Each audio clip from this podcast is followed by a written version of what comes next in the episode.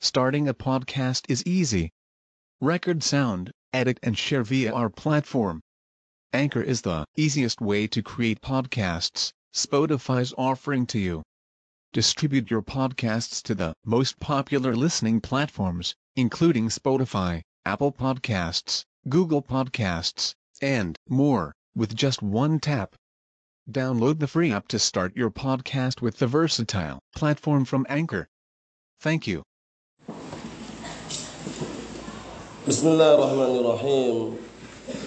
الحمد لله الذي أرسل رسوله بالهدى ودين الحق ليظهره على الدين كله وكفى بالله شهيدا وأشهد أن لا إله إلا الله وحده لا شريك له إقرارا به وتوحيدا.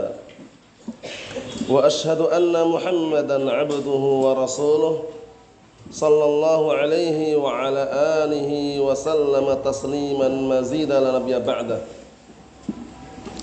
إخواني في الدين أعزني وأعزكم الله وبارك الله فيكم. Kita بات أن kita terhadap kitab مجمل عقيدة Salaf الصالح karya الشيخ العلامة صالح الفوزان أسابه الله هل من دوا halaman دوا Qala al-muallifu asbahullah an-naw'u tsalis, jenis yang ketiga. Setelah kita membahas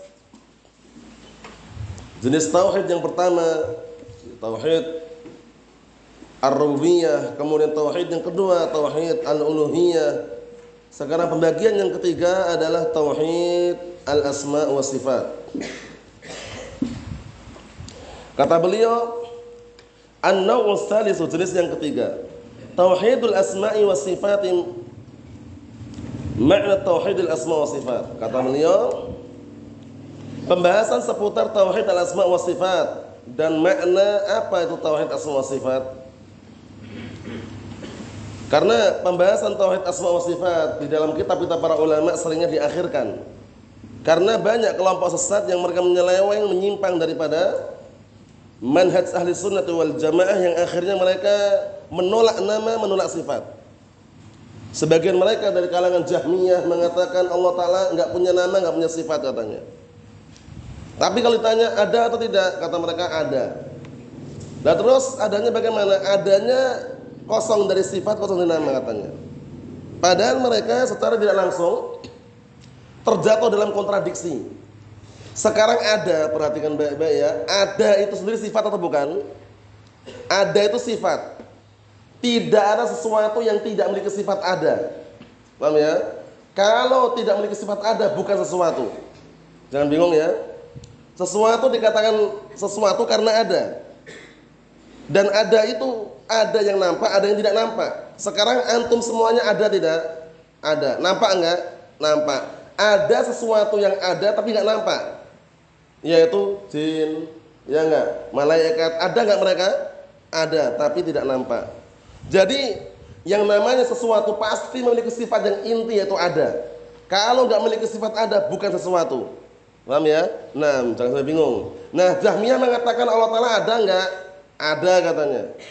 Nah terus bagaimana? Ada tapi nggak memiliki sifat, nggak memiliki nama katanya. Ada sendiri adalah sifat. Kok ditiadakan di mana? Allah mustahil. Jahmiyah, Mu'tazilah bergaya. Kalian keliru wahai Jahmiyah. Allah Ta'ala itu punya nama tapi nggak punya sifat katanya. Allah Ustaz, masih keliru lagi ya. Kalau Jahmiyah mengatakan Allah Ta'ala nggak punya nama, nggak punya sifat, Jahmiyah. Mu'tazilah mengatakan Allah Ta'ala itu punya nama tapi sifat nggak punya. Jadi Allah Ta'ala itu zat yang maha mendengar tapi nggak punya pendengaran. Allah Musta'an. Zat yang maha berbicara tapi nggak punya pembicaraan. Zat yang maha memiliki ilmu tapi nggak punya ilmu. Allah musta'an. Kata mereka, sami'un bila sam', basirun bila basar katanya. Mendengar tapi nggak punya pendengaran. Eh? Melihat tapi nggak punya penglihatan. Sekarang antum atau kita manusia, eh? itu bukan terpuji namanya ya. Seperti itu mensifati tapi mengejek, mencela. Ya akhi, ya fulan, antum itu mendengar tapi nggak punya pendengaran. Eh? Itu manusia aja marah yang nggak suka ya. Padahal Allah Subhanahu wa taala itu Mu'tazilah. Datang kelompok berikutnya Asy'ariyah bergaya. Asy'ariyah mengatakan, "Ya Jahmiyah, akhta'tum, kalian keliru. Mu'tazilah, kalian juga keliru. Yang benar tuh kami katanya. Kata mereka, kenapa kok kalian yang benar? Asyairah menjawab, kita yang benar Allah Ta'ala punya nama, punya sifat. Eh? Tapi cuma nama tujuh kata mereka. Allah Musta'an. Cuma nama dan sifat cuma tujuh saja. Allah Musta'an. Masih keliru ya. Asyairah meyakini cuma tujuh. Hayyun alimun qadirun wal kalamu lahu iradatun kada kesam'u wal basaru. Tujuh ini aja. Ya, tujuh ini yang diyakini oleh Asyairah. Asyairah mengatakan Allah Ta'ala punya nama, punya sifat cuma tujuh. Tujuh itu pun mereka membangun karena cocok dengan akal, bukan karena dalil. Jadi Asy'ariyah kalau ada nama dan sifat untuk Allah Taala eh, tidak sesuai dengan dalil tapi cocok dengan akal mereka, mereka masukkan. Tapi kalau ada dalil tentang nama dan sifat untuk Allah Taala dan tidak cocok dengan akal mereka, mereka tolak. Jadi mereka meyakini tujuh saja ya, hayyun, alimun, qadirun, wal kalamu lahu iradatun kada kasam'u wal basaru. Tujuh. Paham ya? Nah, itu yang sebutkan hayyun, Allah Taala hidup katanya. Alimun, zat yang maha punya ilmu katanya. Qadirun, zat yang maha mampu. Wal kalamu lahu, zat yang maha bicara. Iradatun, zat yang memiliki iradah, keinginan. Kemudian apa? As-sam' zat yang maha mendengar. Al-basar zat yang maha melihat. Tujuh ini tak. Tujuh saja ya itu pemikiran yang keliru. Ahlus sunnah wal jamaah itulah apa? Nah barakallahu fikum pendapat yang benar meyakini Allah Ta'ala punya nama dan punya sifat tidak terbatas dengan batasan-batasan tertentu yang kita ketahui. Faham ya? Hanya Allah Ta'ala yang mengetahui. Namanya banyak sekali. Sifatnya juga banyak sekali. Karena setiap nama pasti apa? Di dalamnya mengandung sifat. Dan tidak setiap sifat mengandung di dalamnya nama. Ini sekedar selingan untuk memahamkan bahwasannya ada kelompok sesat di sana yang meyakini Allah Taala nggak punya nama, nggak punya sifat. Jahmiyah. Ada kelompok sesat yang kedua, Allah Taala punya nama tapi nggak punya sifat. Mu'tazilah. Kelompok yang ketiga, Allah Taala punya nama, punya sifat tapi cuma tujuh. Asy'ariyah. Paham ya? Ahlu sunnah meyakini Allah Taala punya nama, punya sifat tanpa kita mengetahui batasan dan juga jumlahnya berapa. Kalau ada pertanyaan, Katanya Asmaul Husna 99 Ustaz. Di jaket-jaket itu kan karena ada jaket dijual itu ya. 99 Asmaul Husna katanya. Kita katakan nah barakallahu fikum enggak benar. Ada pun hadis yang sering atau dengar, inna lillahi tis'atun wa tis'in. Nah, isman inna lillahi tis'atun tis'ina isman man ahsaha dakhalal jannah itu menunjukkan keutamaan 99 nama tersebut, bukan pembatasan. Sesungguhnya Allah Ta'ala memiliki 99 nama. Barang siapa yang berdoa dengannya maka dijamin masuk surga. Itu maksudnya bagaimana? Bukan pembatasan tapi menyebutkan keutamaan 99 nama tersebut. Kalau orang sufia, eh, mungkin pernah tak tunjukkan dulu ya. Orang sufia, mereka berdalilkan dengan ayat. Ayatnya benar, cuman mereka keliru dalam pendalilan. Mereka menggunakan uh, ayat dalam Al-Qur'an Karim, "Wa fi anfusikum afala tubsirun," kata mereka. Pada diri-diri kalian itu ada tanda. Tidakkah kalian memperhatikan katanya? Apa tandanya? Langsung mereka membuka apa? Dua dua tangan. Antum lihat tangan antum ya. Mungkin ada yang cocok nanti. Eh, dua tangan, tangan yang kiri kalau anak ya, kalau antum berarti mengharuskan yang tinggal dilihat sini tangan kiri. Angka 18, angka Arab. Itu antum lihat itu. 18. Yang kanan angka 81, angka Arab. 81 tambah 18 berapa? 99. Allah musta'an. Mereka menggunakan ini. Wa fi anfusikum afala tubsirun katanya. Allah musta'an. Dulu pernah dikisahkan di Damas ya sebagian mustafidun menjelaskan bahwasanya orang sufia itu kadang mereka ekstrim. Dalilnya sahih ayat tapi mereka keliru dalam letakkannya. Eh? Nah, kalau punya antum ada tidak ini? Angka 81 ini ya. Nah, 18, 80, 81 ya. Yang ini 81 ini ya. Nah, 81 ini 18. Garis-garisnya ini lihat sendiri ya. Sebagian ada yang pisah, yang sambung. Nah, labas, nah barakallahu fikum 99 kata mereka. Tapi apa? Enggak benar. Allah musta'an. Naam. Contoh yang lain untuk membuktikan bahwasannya bukan pembatasan. Contohnya antum punya uang banyak, Cuman ada uang seribu rupiah yang antum persiapkan untuk sedekah. Ana punya seribu rupiah, akan aku pakai untuk sedekah. Apakah antum nggak punya uang lain di rumah? Punya banyak, tapi seribu ini yang dipersiapkan untuk sedekah. Contohnya seperti itu. Jadi Allah Taala punya nama yang banyak, cuman 99 tersebut ada keutamaan tersendiri. Itu maknanya ya. Na'am barakallahu fikum. Ahlus sunnah wal jamaah dalam hal ini berseberangan dengan kelompok-kelompok sesat yang sudah kami sebutkan. Kita lihat sini. Wa ma'nahu an nusbita lillahi azza wa jal ma asbatahu li nafsihi wa ma asbatahu lahu rasuluhu sallallahu alaihi wasallam min al asma'i was sifat. Masya Allah. Artinya makna tauhid al asma wa sifat maknanya kata beliau kita menetapkan untuk Allah Subhanahu wa taala nama-nama dan sifat-sifat yang Allah Allah Taala tetapkan untuk dirinya dan menetapkan nama-nama yang Rasulullah sallallahu alaihi wasallam tetapkan untuk Allah Subhanahu wa taala. Paham ya? Jadi ahli sunnah menetapkan untuk Allah taala apa-apa yang Allah taala tetapkan untuk dirinya dan apa-apa yang Rasulullah sallallahu alaihi wasallam tetapkan untuk Allah taala berupa nama dan sifat. Jadi Allah taala punya nama, punya sifat. Kaedahnya yang perlu antum renungi, yang sudah bisa memahami alhamdulillah, setiap nama pasti ada sifat di dalamnya. Setiap nama Allah pasti mengandung dalamnya sifat Allah Ta'ala. Dan tidak setiap sifat mengandung nama di dalamnya. Contohnya sekarang, Ar-Rahman, Ar-Rahim, nama bukan? Nama. Di dalam Ar-Rahman, itu ada sifat namanya Ar-Rahmah. Itu sifat maksudnya. Sifat rahmat. Paham ya? Nah, Al-Hayyu. Al-Hayyu, zat yang maha hidup. Nama bukan? nama. Di dalam al-hayyu ada sifat namanya hayatun, kehidupan. Itu namanya sifat. Tapi tidak setiap sifat ada namanya. Karena menetapkan nama harus dengan dalil. Contohnya, Allah Subhanahu wa taala disifati turun ke langit dunia kapan? Sepertiga malam terakhir. Namanya nuzul. Nuzulun itu sifat untuk Allah taala. Tapi ada nggak nama untuk Allah taala nazil? Nggak ada. Paham ya? Nah, karena kalau sifat belum tentu ada nama. Tapi kalau nama pasti di dalamnya terkandung sifat. Jangan sampai keliru. Ar-Rahman sifat atau nama? Sifat. Berarti gagal paham. Ar-Rahman bukan sifat. Ar-Rahman nama sifatnya rahmah. Al-Hayyu nama atau sifat? Sifat. Gagal paham. Paham ya? Al-Hayyu bukan sifat. Al-Hayyu nama. Sifatnya hayatun. Paham ya? Itu nanti dipelajari dalam kita insya Allah sebagian asatidah nanti bisa mengajarkan antum semuanya karena itu penting memahami asma wa sifat itu semakin kita paham terhadap asma wa sifat semakin kita cinta kepada Allah Subhanahu wa taala. Karena tahu makna-makna yang terkandung di dalamnya. Kita lihat sini. Wa annan fiya anillahi ma nafahu an nafsihi wa nafahu anhu Rasulullah sallallahu alaihi wasallam minan naqais wal uyub. Masyaallah.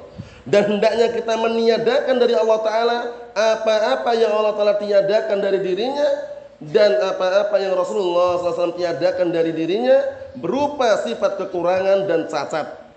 Ya, tiadakan Allah Ta'ala nggak kurang, nggak ada sifat kekurangan wala cacat bagi Allah Ta'ala. Sempurna semuanya. Semuanya semuanya apa? Sempurna. Naam. Kita lihat min khair tahrif tanpa ngubah makna, wala ta'til tanpa penolakan makna atau lafadznya juga wala takyif tanpa membagaimanakan wala tamsil tanpa menyerupakan ahlu sunnah kalau menetapkan harus seperti ini. Nggak boleh mentahrif nggak boleh mentaktil nggak boleh mentakyif nggak boleh mentamsil. Kaedahnya dalam hal ini para ulama telah menetapkan apa? Isbatun bila tamsil tanzihun bila taktil. Itu kaedahnya. Isbatun bila tamsil tanzihun bila taktil. Menetapkan tanpa tanpa menyerupakan, mensucikan Allah Taala dari sifat kekurangan tanpa menolak atau menghilangkan nama. Paham ya? Allah Subhanahu wa taala contohnya. Allah taala adalah zat yang memiliki apa pendengaran. Nah, itu sempurna ya, sempurna. Nah, itu jangan antum samakan pendengaran Allah taala dengan makhluk. Makhluk itu pendengarannya terbatas. Antum sekarang di sini dengar suara ya, dengar. Tapi suara yang ada di Maros misalkan Pinrang kedengaran nggak sekarang? Nggak kedengaran karena terbatas pendengaran manusia. Penglihatan sekarang, penglihatan manusia Beda dengan penglihatan Allah Ta'ala. Kalau penglihatan Allah Ta'ala itu meliputi segala sesuatu. Depan, belakang, atas, bawah, samping kanan, kiri. Semuanya nampak bagi Allah Ta'ala. Tapi kita, sekarang antum, penglihatan antum taruhlah. Eh, terbatas. Sekarang antum melihat di depan saja kan. Belakang antum kelihatan nggak kalau nggak nengok ke belakang itu? Nggak kelihatan kan? Kalaupun bisa pakai cermin. Semuanya nggak bisa. Kenapa? Karena terbatas terbatas ya Allah Subhanahu wa taala mengetahui semuanya segala sesuatu semut hitam di bawah batu hitam nah, di lautan yang paling dalam kegelapan yang penuh dengan eh, petir dan juga hujan deras tahu kalau ada semut hitam di situ Allah taala kalau antum atau kita bagaimana semutnya sudah semut merah di atas batu siang siang seperti ini itu pun kita nggak tahu kalau nggak melihat Nah, itu Allah musta'an menunjukkan bahwasanya apa? Penglihatan manusia sangat terbatas. Allah taala tidak sama. Nah, kita lihat sini.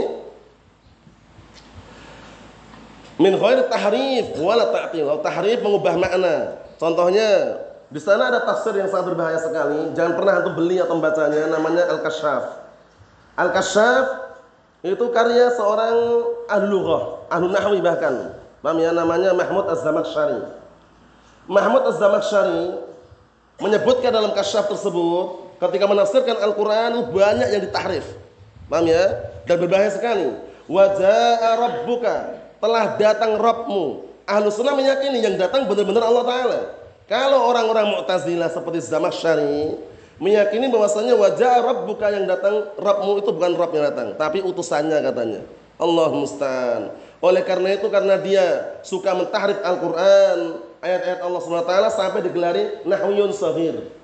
Nah ya, dia itu ahlu nahwi yang kecil. Nah, karena apa? Karena suka menentang tadi itu. Padahal ini kalau dilihat dari ahlu lughahnya atau bahasanya bagus, tapi karena suka mentarif Al-Qur'an sampai digelari nahwiyun sahir. Allahul musta'an. Wala ta'til. Ta'til itu menolak seperti Jahmiyah menolak dua-duanya namanya sifat. Kemudian Mu'tazilah menolak sebagiannya, maksudnya menolak apa menolak nama dan menolak sifat. Nama menetapkan sifat tidak. Mu'tazilah. Wala takyif membagaimanakan. Allah Ta'ala turun ke langit dunia kapan? Sepertiga malam terakhir. Bagaimana turunnya? Bagaimana turunnya? Ah. Wallah alam ingat-ingat. Ahlu sunnah yang ditiadakan, maksudnya yang diserahkan oleh Allah Ta'ala itu tentang kaifiahnya. Bagaimana turunnya? Wallah alam. Makna jangan antum tiadakan. Kalau antum meniadakan makna, antum terjatuh dalam kelompok sesat dikenal dengan al-mufawwidah. Kelompok sesat namanya al-mufawwidah. Al-mufawwidah itu dia langsung meniadakan maknanya. Allah Taala punya tangan enggak? Punya katanya. Maknanya apa? Wallahu alam katanya. Itu mufawwidah. Nanti nanti tak tes nanti ya. Nah, kalau ahlu sunnah tidak. Ahlu sunnah tanya, Allah Ta'ala punya tangan? Punya tangan. Maknanya apa? Tangan yang hakiki, yang ada wujudnya, yang layak bagi Allah Ta'ala. Bagaimana tangannya? Wallahu a'lam. Bedakan. Ahlu sunnah yang diserahkan oleh Allah Ta'ala itu kaifiyahnya. Bagaimana tangannya? Wallahu a'lam. Makna tangan apa? Tangan yang hakiki. Maknanya adalah tangan yang hakiki yang layak bagi Allah Ta'ala. Bagaimana bentuk tangannya? Wallahu a'lam. Itu ahlu sunnah. Tapi kalau langsung Allah Ta'ala turun ke langit dunia atau tidak? Turun ke langit dunia kapan? Sepertiga malam terakhir. Makna turun itu apa? Wallahu a'lam. Itu mufawwidah. Paham ya? Kalau ahlu sunnah mengatakan makna turun apa? Makna turun adalah turun yang hakiki yang layak bagi Allah SWT. Bagaimana turunnya? Wallahu a'lam. Coba tak tes satu ya. Nah, barakallahu fikum. Allah Subhanahu wa taala itu mendengar enggak? Mendengar. Makna mendengar itu apa? Wallahu apa makna mendengar apa? Eh, mendengar yang hakiki yang layak bagi Allah Taala. Bagaimana mendengarnya? Wallah alam itu yang sahih ya, jangan sampai keliru ya. Karena mungkin agak mirip sih mufawidah itu, cuman bedanya itu tadi. Kalau mufawidah langsung menyerahkan maknanya kepada Allah Taala seakan-akan Al-Quran itu gak ada maknanya. Allahul Musta'an. Ahlus Sunnah menetapkan makna menyerahkan urusan kaifiahnya kepada Allah Subhanahu wa taala. Na'am barakallahu fikum. Ikhwani fi din azza jalla kita lihat lagi. Wala tamsil tanpa mentamsil, menyerupakan Allah Ta'ala dan makhluknya. Jangan pernah. Allah Ta'ala berbicara, manusia berbicara, tapi beda pembicaraannya. Allah Ta'ala punya tangan, manusia juga punya tangan, tapi beda hakikat tangannya. Apa kaidahnya kemarin? Al-ittifaqu fil asma la yastalzim al-ittifaq fil dawati wal haqa'iq. Kaidahnya kemarin kita lewati ya. Al-ittifaqu fil asma la yastalzim al-ittifaq fil dawati wal haqa'iq. Sama dari sisi nama itu tidak mengharuskan sama dari sisi zat dan hakikatnya. Contohnya, kalau kita debat orang-orang yang mengatakan, oh berarti Allah telah sama tangannya dengan tangan kita. Kata. Kita katakan, Pak, diam dulu Pak. Orangnya bapak-bapak misalkan ya. Diam dulu Pak. Bapak mengatakan tangan Allah sama dengan tangan kita. Itu keliru Pak. Sekarang Bapak punya tangan nggak Pak? Punya. Jangkrik punya tangan nggak Pak? Jangkrik Pak. Punya. Apakah tangan Bapak sama dengan tangan jangkrik? Sama-sama tangan juga. Kata Bapak itu, enggak sama. Masa tangan Anda sama dengan tangan, tangan jangkrik? Kata dia. Kita katakan, Makanya Allah Taala punya tangan, kita juga punya tangan, tapi tangannya beda pak, gitu ya. Caranya itu karena apa? Karena sama nama itu belum tentu sama hakikatnya, paham ya? Si, si A jualan madu, si B juga jualan madu. Madu si A asli madunya ori, tanpa campuran, paham ya? Si B ini ternyata apa? Madunya sudah nggak ori lagi, nggak asli lagi, tapi sama-sama madu gitu ya. Nama musta'an. Itu contohnya saja bahwa saya nama itu sama tapi hakikatnya dan kenyataannya itu berbeda-beda. Nah, sekarang contohnya di markis ini Ma'had ini, contohnya yang namanya Abdurrahman, satu orang atau banyak orang? Satu toh namanya Abdurrahman, nggak ada yang lain lagi? Hah? Ada lagi kan? Abdurrahman ada Abdurrahman yang lain lagi ada kan? Sa ada nggak? Ada, nggak ada. Sini namanya Abdurrahman ada nggak? Hah? Ada kan? Lebih dari dua orang kan? Dalam artian lebih dari satu, orang kan? Sama-sama namanya Abdurrahman tapi apakah orangnya sama? Eh, beda. Misalkan nah barakallahu fikum ada yang namanya Muhammad mesti ada yang Muhammad ya? Ada nggak Muhammad ini? Ewa, contohnya ada Muhammad si A Muhammad si B juga Muhammad si C juga Muhammad. Sama-sama namanya Muhammad tapi orangnya beda-beda. Itu contohnya gitu. Jadi menunjukkan bahwasanya nama itu bisa sama tapi hakikat berbeda. Nah barakallahu fikum atau kasih contoh lagi atau cukup? Contoh yang lain. Sekarang ya karena kita di pare-pare ya mengenai apa sarang walet. Nah ya. Sarang walet itu kan harganya macam-macam, kelasnya juga bertingkat-tingkat ya. Ada yang kalau bersih putih harganya mahal, tapi sarang walet juga. Kalau yang coklat-coklat itu atau sudah potong-potong harganya murah, tapi sarang walet juga. Namanya sama tapi hakikatnya berbeda itu loh. Itu contoh aja. Kita lihat di sini. Liqaulihi ta'ala dikarenakan firman Allah Ta'ala laisa kamitslihi syai'un wa samiul basir. Tidak ada sesuatu apa pun yang serupa dengan Allah Ta'ala dan Allah Ta'ala zat yang mendengar dan maha melihat. Ini ayat ini sampai-sampai para ulama menggelari dengan dustur ahli sunnati wal jamaah. Apa itu dustur? Undang-undang. Undang-undang ahli sunnati wal jamaah di dalam menetapkan nama-nama dan sifat-sifat untuk Allah Ta'ala. Eh? Nah, kaedahnya apa tadi? Isbatun bila tamsil, tanzihun bila ta'til. Artinya apa? Menetapkan nama untuk Allah Ta'ala tanpa menyamakan atau nah, menyerupakan dengan makhluknya. Membersihkan, mensucikan sifat kurang dari Allah Ta'ala tanpa menolak nama-nama dan sifat-sifatnya. Allahumma musta'an. Kita lihat lagi.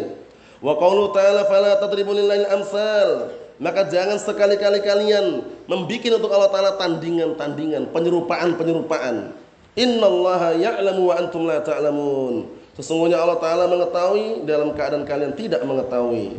Wa ma jaa fi ayatil kursi dan apa-apa yang datang dalam ayat kursi wa fi surat al-ikhlas dalam surat al-ikhlas wa fi aghlabis suwar al-makkiyah bi dzikri asma'illah wa sifatih dan kebanyakan surat-surat al-makkiyah eh, menyebutkan padanya nama-nama Allah taala dan sifat-sifatnya was suwar al-madaniyah bahkan surat yang Nama daniyah pun juga sama. Bal aghlabul Quran bahkan kebanyakan isi kandungan Al-Quran menyebutkan nama-nama dan sifat-sifat Allah Subhanahu wa taala. Kesimpulannya berarti apa? Nama-nama dan sifat Allah Subhanahu wa taala itu benar-benar ada untuk Allah Subhanahu wa taala.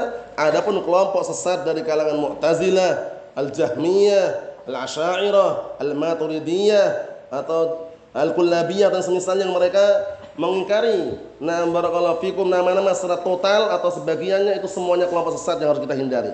Ahlus sunnah wal jamaah meyakini Allah Ta'ala punya nama, punya sifat, eh, tanpa kita mengetahui berapa jumlahnya. Paham ya? Kita yakin itu ya. Nah, barakallahu fikum. Cukup sekian dulu. Insyaallah kita sambung pada pertemuan yang akan datang. Nasallahu assalamu alaikum fi dunya wal akhirah. Wa nasallahu an yuwaffiqana wa iyyakum lima yuhibbuhu Allah wa yardah. Walhamdulillahirabbil alamin.